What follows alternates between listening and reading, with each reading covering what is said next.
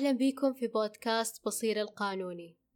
هذا البودكاست تحديدا إهداء لأصحاب الميزان أصدقاء العدالة.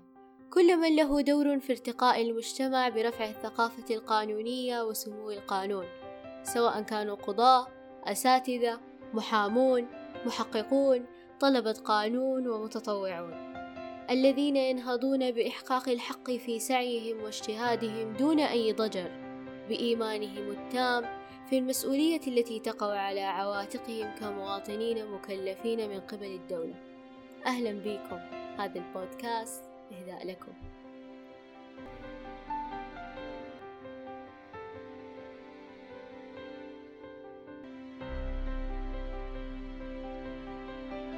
هنا تحديدا نسلط الضوء على القانونيين الذين يبحرون على السفينة التي تتناغم معهم. حسب كل ميول وكل اختصاص حتى يصلون إلى النهاية وبعلو همتهم لا مكان للنهاية في قاموسهم.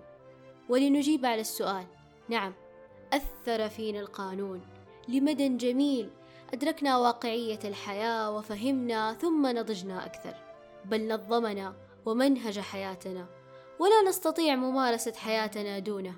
باختصار أصبح القانون دستور عيشنا.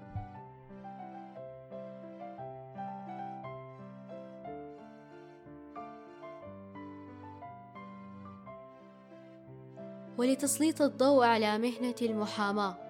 فللمحامي نهج أكثر دقة وانتظاما خصوصا من وصل أعلى أسقف الكفاءة لأنه لم يصل إلا وقد شق طرقا وعرة.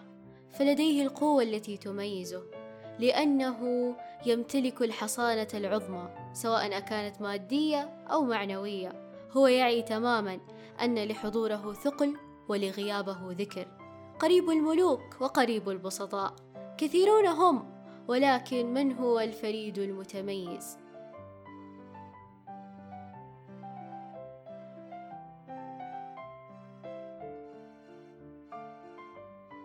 هو المحامي الناجح طبعا. من يقرأ ثم يطلع ثم يبحث في شتى علوم المعرفة. فلا تقتصر قوته في المعرفة القانونية فقط بل حتى في ثقافته.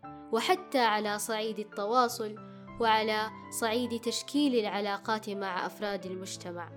هو من يحرص على الاحترافية والدقة في إرضاء نفسه بكفاءته اولا ومن ثم إرضاء العميل. لا على أرصدة البنوك في المقام الأول لأنه يعي تماما أن للسمعة نصيب في صناعة برانده الخاص به.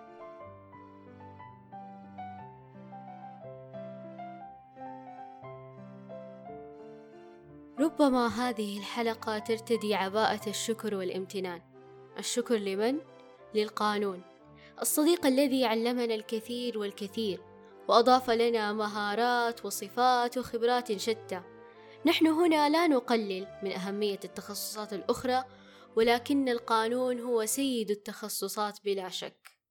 شكرا لمعلمنا الأول ومرشدنا الأقوى. هذه الحلقة مهداة لزملاء وزميلات التخصص. دمتم بود. دمتم في صحبة القانون وما أجملها من صحبة. أخيرا إلى كل قانوني أنت شريك السلطة عندما تضع النزاهة في المقدمة قبل كل شيء. ثم إن للصبر نصيب أعظم لوصولك. ثم إن لإنصاف الحق لذة ونشوة. مع أمنياتنا بالتوفيق لكم يا شركاء السلطة. تحياتنا لجنة التدريب والتطوير بمبادرة بصيرة.